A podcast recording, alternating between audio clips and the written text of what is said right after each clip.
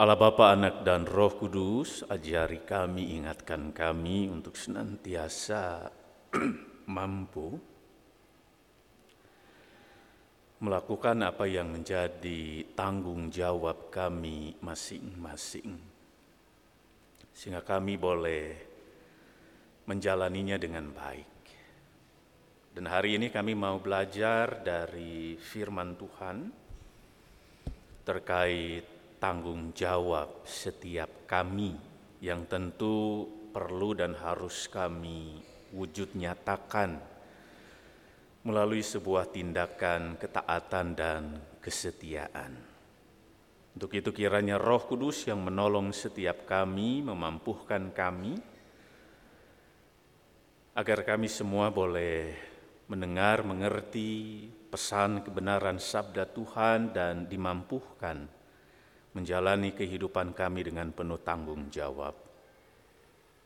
Dan kiranya juga roh kudus yang memampukan hambamu sehingga boleh menyampaikan kebenaran sabda Tuhan seturut dengan kehendak engkau.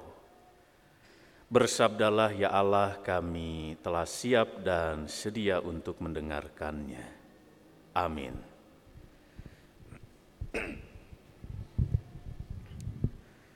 Matius 22 ayat 15 sampai ayat yang ke-22.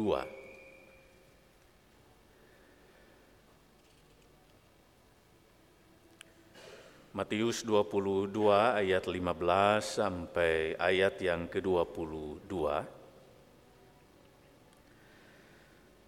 Demikian sabda Tuhan. Kemudian pergilah orang-orang Farisi dan membuat rencana bagaimana mereka dapat menjerat Yesus dalam perkataannya. Mereka menyuruh murid-murid mereka bersama para pendukung Herodes bertanya kepadanya, "Guru, kami tahu engkau orang yang jujur dan dengan jujur mengajar jalan Allah." Dan engkau tidak takut terhadap penilaian orang, sebab engkau tidak memandang muka. Katakanlah kepada kami pendapatmu, apakah diperbolehkan membayar pajak kepada kaisar atau tidak? Namun Yesus mengetahui kejahatan hati mereka itu lalu berkata, Mengapa kamu mencobai aku, hai orang-orang munafik? Tunjukkanlah kepadaku mata uang untuk pajak itu. Mereka membawa satu dinar kepadanya. Ia bertanya kepada mereka, "Gambar dan nama siapakah ini?" Jawab mereka, gambar dan nama kaisar.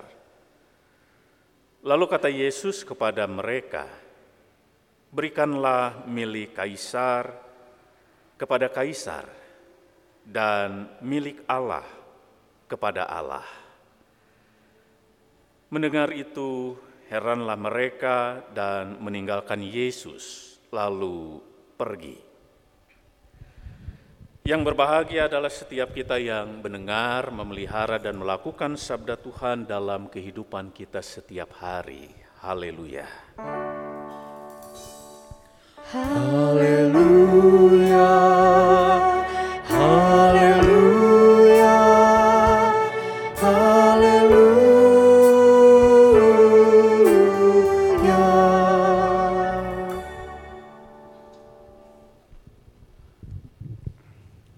Status kudu alus.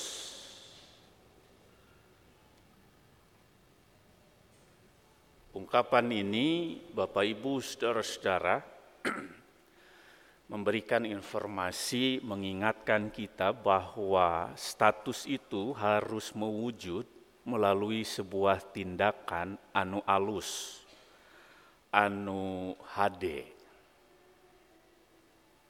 Dan itu harus nampak ketika orang bertanggung jawab dengan statusnya. Status sebagai seorang suami, maka tentu seorang suami akan menjalankan perannya, tanggung jawabnya dengan baik, dengan alus. Walaupun mungkin tidak selalu mulus.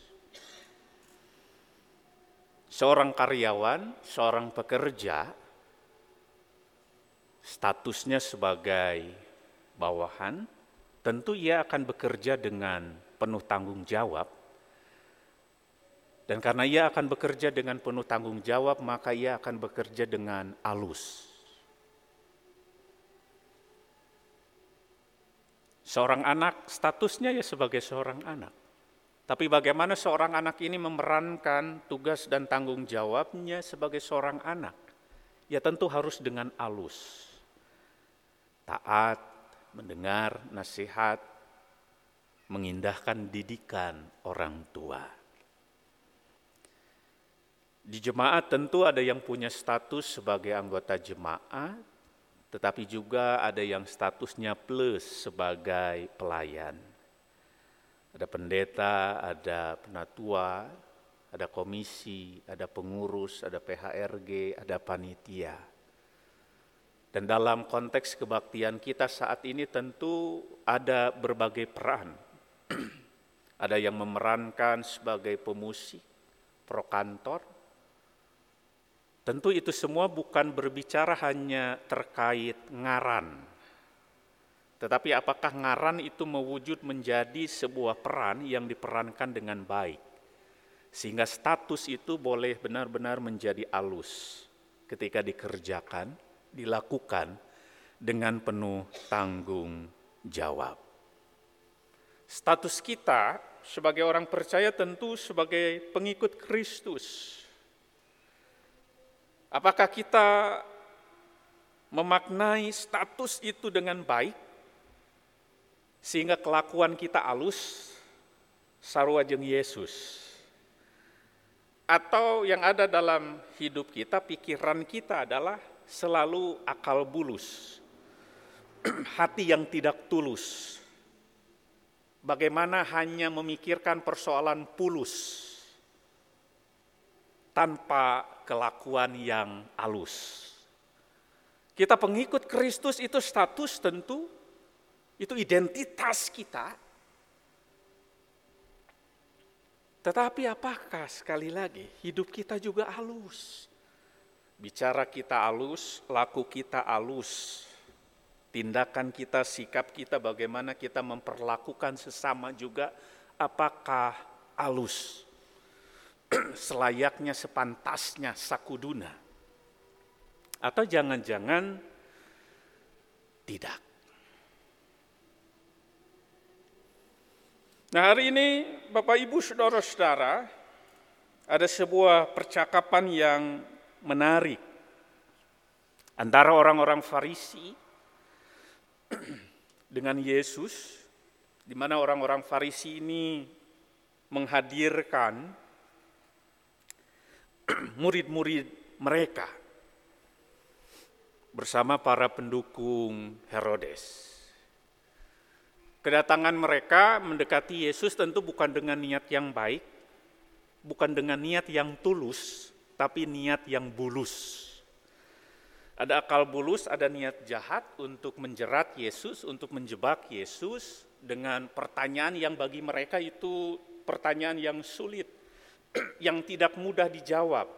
Sehingga mereka sangat yakin pertanyaan itu akan membuat Yesus bisa kena hukuman, bisa ditangkap, bisa diadili, bisa diserahkan kepada mahkamah agama, lalu diambil oleh tentara atau pasukan Romawi. Jadi mereka sudah menyeting sebuah pikiran yang bulus untuk menangkap Yesus dengan pertanyaan yang pastinya mereka pikir ini akan sangat menjebak Yesus. Karena itu mereka bertanya kepada Yesus, Guru kami tahu engkau orang yang jujur dan dengan jujur mengajar jalan Allah dan engkau tidak takut terhadap penilaian orang, sebab engkau tidak memandang muka. Pertanyaannya ini, katakanlah kepada kami pendapatmu apakah diperbolehkan membayar pajak kepada kaisar atau tidak. Kenapa pertanyaan ini menjebak Bapak Ibu Saudara-saudara? Karena ketika Yesus menjawab boleh,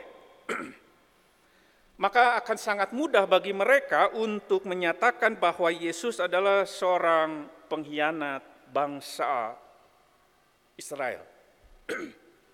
pengkhianat bangsanya. Orang yang tidak berpihak kepada orang Yahudi. Tetapi orang yang bersekongkol dengan kekuasaan kekaisaran Romawi. Kalau mengatakan boleh membayar pajak. Dan orang-orang Herodian, murid-murid Herodes, pasti akan sangat membenci Yesus. Sekaligus mereka akan langsung mengambil sebuah kesimpulan, oh ini bukan Mesias. Gitu. Nah kalau jawaban Yesus tidak, tidak perlu membayar pajak,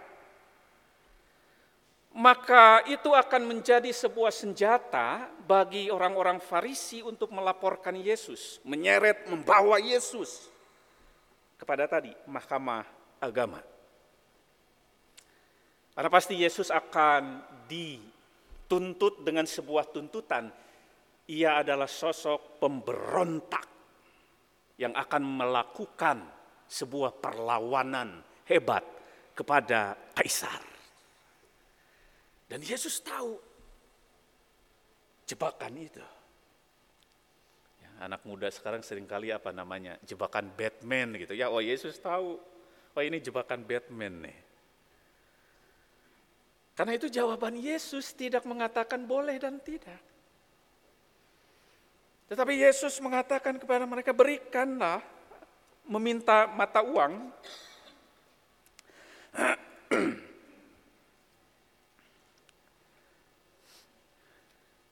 ayat 19, justru ini jawaban Yesus. Tunjukkanlah kepadaku mata uang untuk pajak itu. Mereka membawa satu dinar kepadanya. Ia bertanya kepada mereka gambar dan nama siapakah ini. Jawab mereka gambar dan nama Kaisar. Lalu Yesus mengatakan, oh kalau begitu berikanlah kepada kaisar apa yang wajib kamu berikan kepada kaisar dan kepada Allah apa yang wajib kamu berikan kepada Allah. Dan orang Farisi ini diam. Karena ternyata perkiraan mereka salah. Yesus tidak menjawab boleh atau tidak. Tetapi justru Yesus kembali bertanya, gambar siapakah ini? Yesus tidak mau dijebak. Bagi Yesus, lakukan apa yang wajib, apa yang menjadi tanggung jawabmu kepada kaisar. Tetapi juga lakukan apa yang menjadi tanggung jawabmu kepada Allah. Yang namanya tanggung jawab berarti dua-duanya harus dilakukan. Maka lakukanlah itu. Walaupun tentu kewajiban terhadap Allah itu lebih tinggi.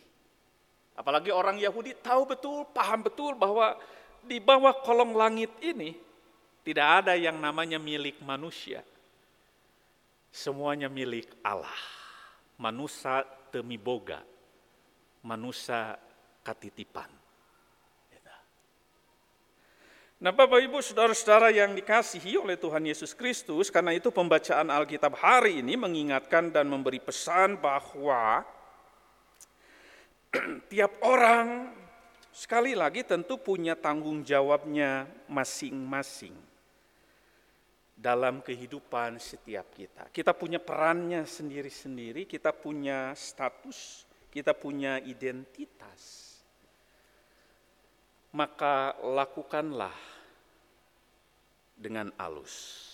Dan untuk itu ada empat perenungan bagi kita hari ini. Yang pertama, Ketika kita berbicara tentang tanggung jawab, maka yang namanya tanggung jawab itu kudu dijawab.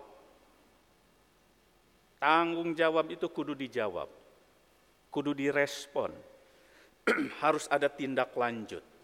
Kumaha ngajawabna, ngajawabna opat. Yang pertama gawe HD. Dalam bahasa saya gawe HD itu berarti kerja keras, kerja cerdas, kerja bernas, kerja jelas. Gawe HD. Kerja keras tentu karena kita membutuhkan waktu, tenaga, energi, sehingga kita bisa menyelesaikannya tepat waktu. Kerja cerdas butuh pengetahuan, keterampilan kita. Kerja bernas berarti apa yang kita kerjakan itu punya nilai. Ada makna di dalamnya. Tidak asal. Kerja jelas tentu ada hasilnya. Nah status kita misalnya sebagai pekerja, sebagai pegawai, tentu kita harus gawe HD. Kalau kita orang yang bertanggung jawab. Gawe HD berarti kerja keras, cerdas, bernas, jelas. Sebagai seorang pelayan tentu kita harus gawe HD. Peran tengah-tengah keluarga sebagai suami, sebagai istri tentu harus HD. Dilakukan dengan baik dan benar. Yang kedua, tanggung jawab kudu dijawab, sabab yang kedua, ngejawabna ku laku hade. Laku hade berarti kalau dalam konteks pelayanan kita menjadi pelayan yang menjadi contoh. Kita dalam konteks keluarga kita menjadi orang tua yang jadi teladan, tutur kenen, di tengah-tengah pekerjaan kita menjadi karyawan yang juga teladan, bukan hanya baik, tetapi juga melakukan apa yang benar. Kita kerjakan dengan sungguh-sungguh. Bukan hanya persoalan pok, tapi persoalan prak. Pok itu ngomong, prak itu aksi. Orang yang laku HD berarti tidak berhenti di tataran teori, tapi sampai pada praktek. Tidak selesai di pok omongan, tapi selesai di prak. Ketika itu menjadi laku. Berarti kalau bisa seperti itu maka kita bertanggung jawab dengan peran kita. Yang ketiga, apa pun peran kita, apa pun tanggung jawab kita, apa pun status kita, Tidak peduli kita ini bawahan, atasan, misalnya di tengah-tengah perusahaan, karyawan biasa atau yang punya jabatan wah, sekali lagi kalau kita orang yang bertanggung jawab, maka yang ketiga ulah gumde. Ada orang yang semakin tinggi jabatannya lalu merasa gede. Sehingga itu gumede, jadi gumede.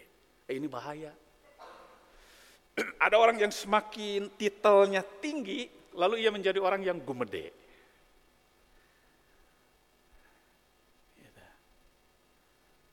Kadangkala jabatan sering kali membuat kita lupa bahwa kita ini dengan yang lainnya setara.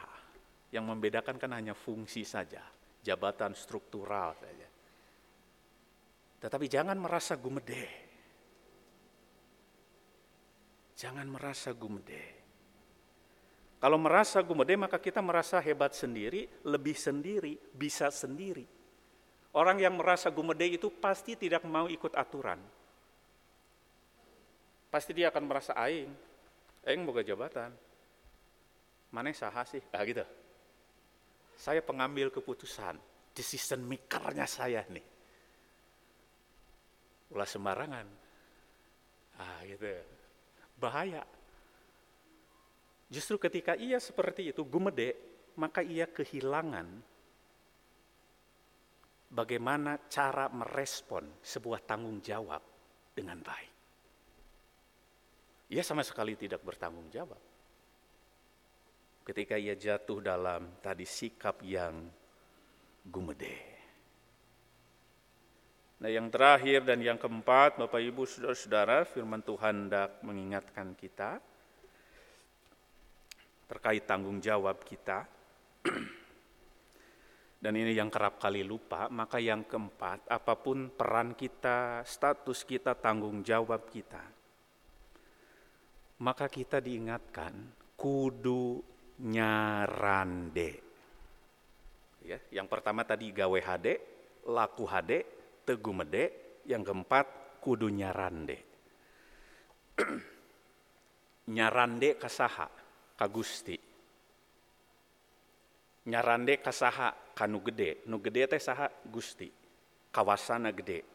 Kakuatana gede. Kanyaahna gede. Nyarande kagusti. Artinya nyarande itu apa? Bersandar. Kenapa kita perlu bersandar dengan apa pun peran kita? Karena sebenarnya kan kita tidak mampu tanpa dimampuhkan.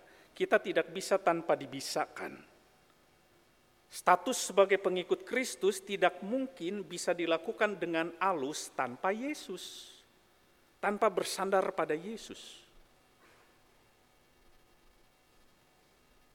Status sebagai pelayan tidak mungkin bisa dijawab dengan alus tanpa ia sadar betul bahwa Allah yang memanggilnya untuk bekerja dan melayani.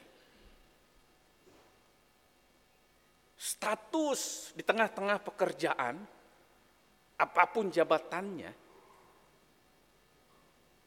tidak segala hal bisa ia lakukan kalau ia tidak bisa bersandar pada Allah. Sagede-gede na jabatan, mau bisa gawe sorangan. Nggak ada atasan yang tidak perlu bawahan. Hati-hati. Karena itu tadi diingatkan nyarande, bersandar. Bersandar pada Allah. Apa pun status kita, apa pun peran kita, sehingga kita bisa bertanggung jawab dengan semuanya itu. Menyadari bahwa kita butuh Allah, butuh bersandar, nyarande kagusti nukawasana gede pasti bisa pede. Gitu. Nah kalau orang bisa pede tanpa nyarande kagusti, hati-hati. Berarti ia terlalu sombong, terlalu yakin akan kekuatan, kemampuan diri sendiri. Dan tentu bukan itu yang dikehendaki Tuhan. Mari Bapak Ibu, saudara-saudara, apa pun peran, status kita, jawablah itu dengan tanggung jawab, sehingga kita bisa melakukannya dengan alus, dan Yesus yang akan menolong dan memampukan kita. Amin.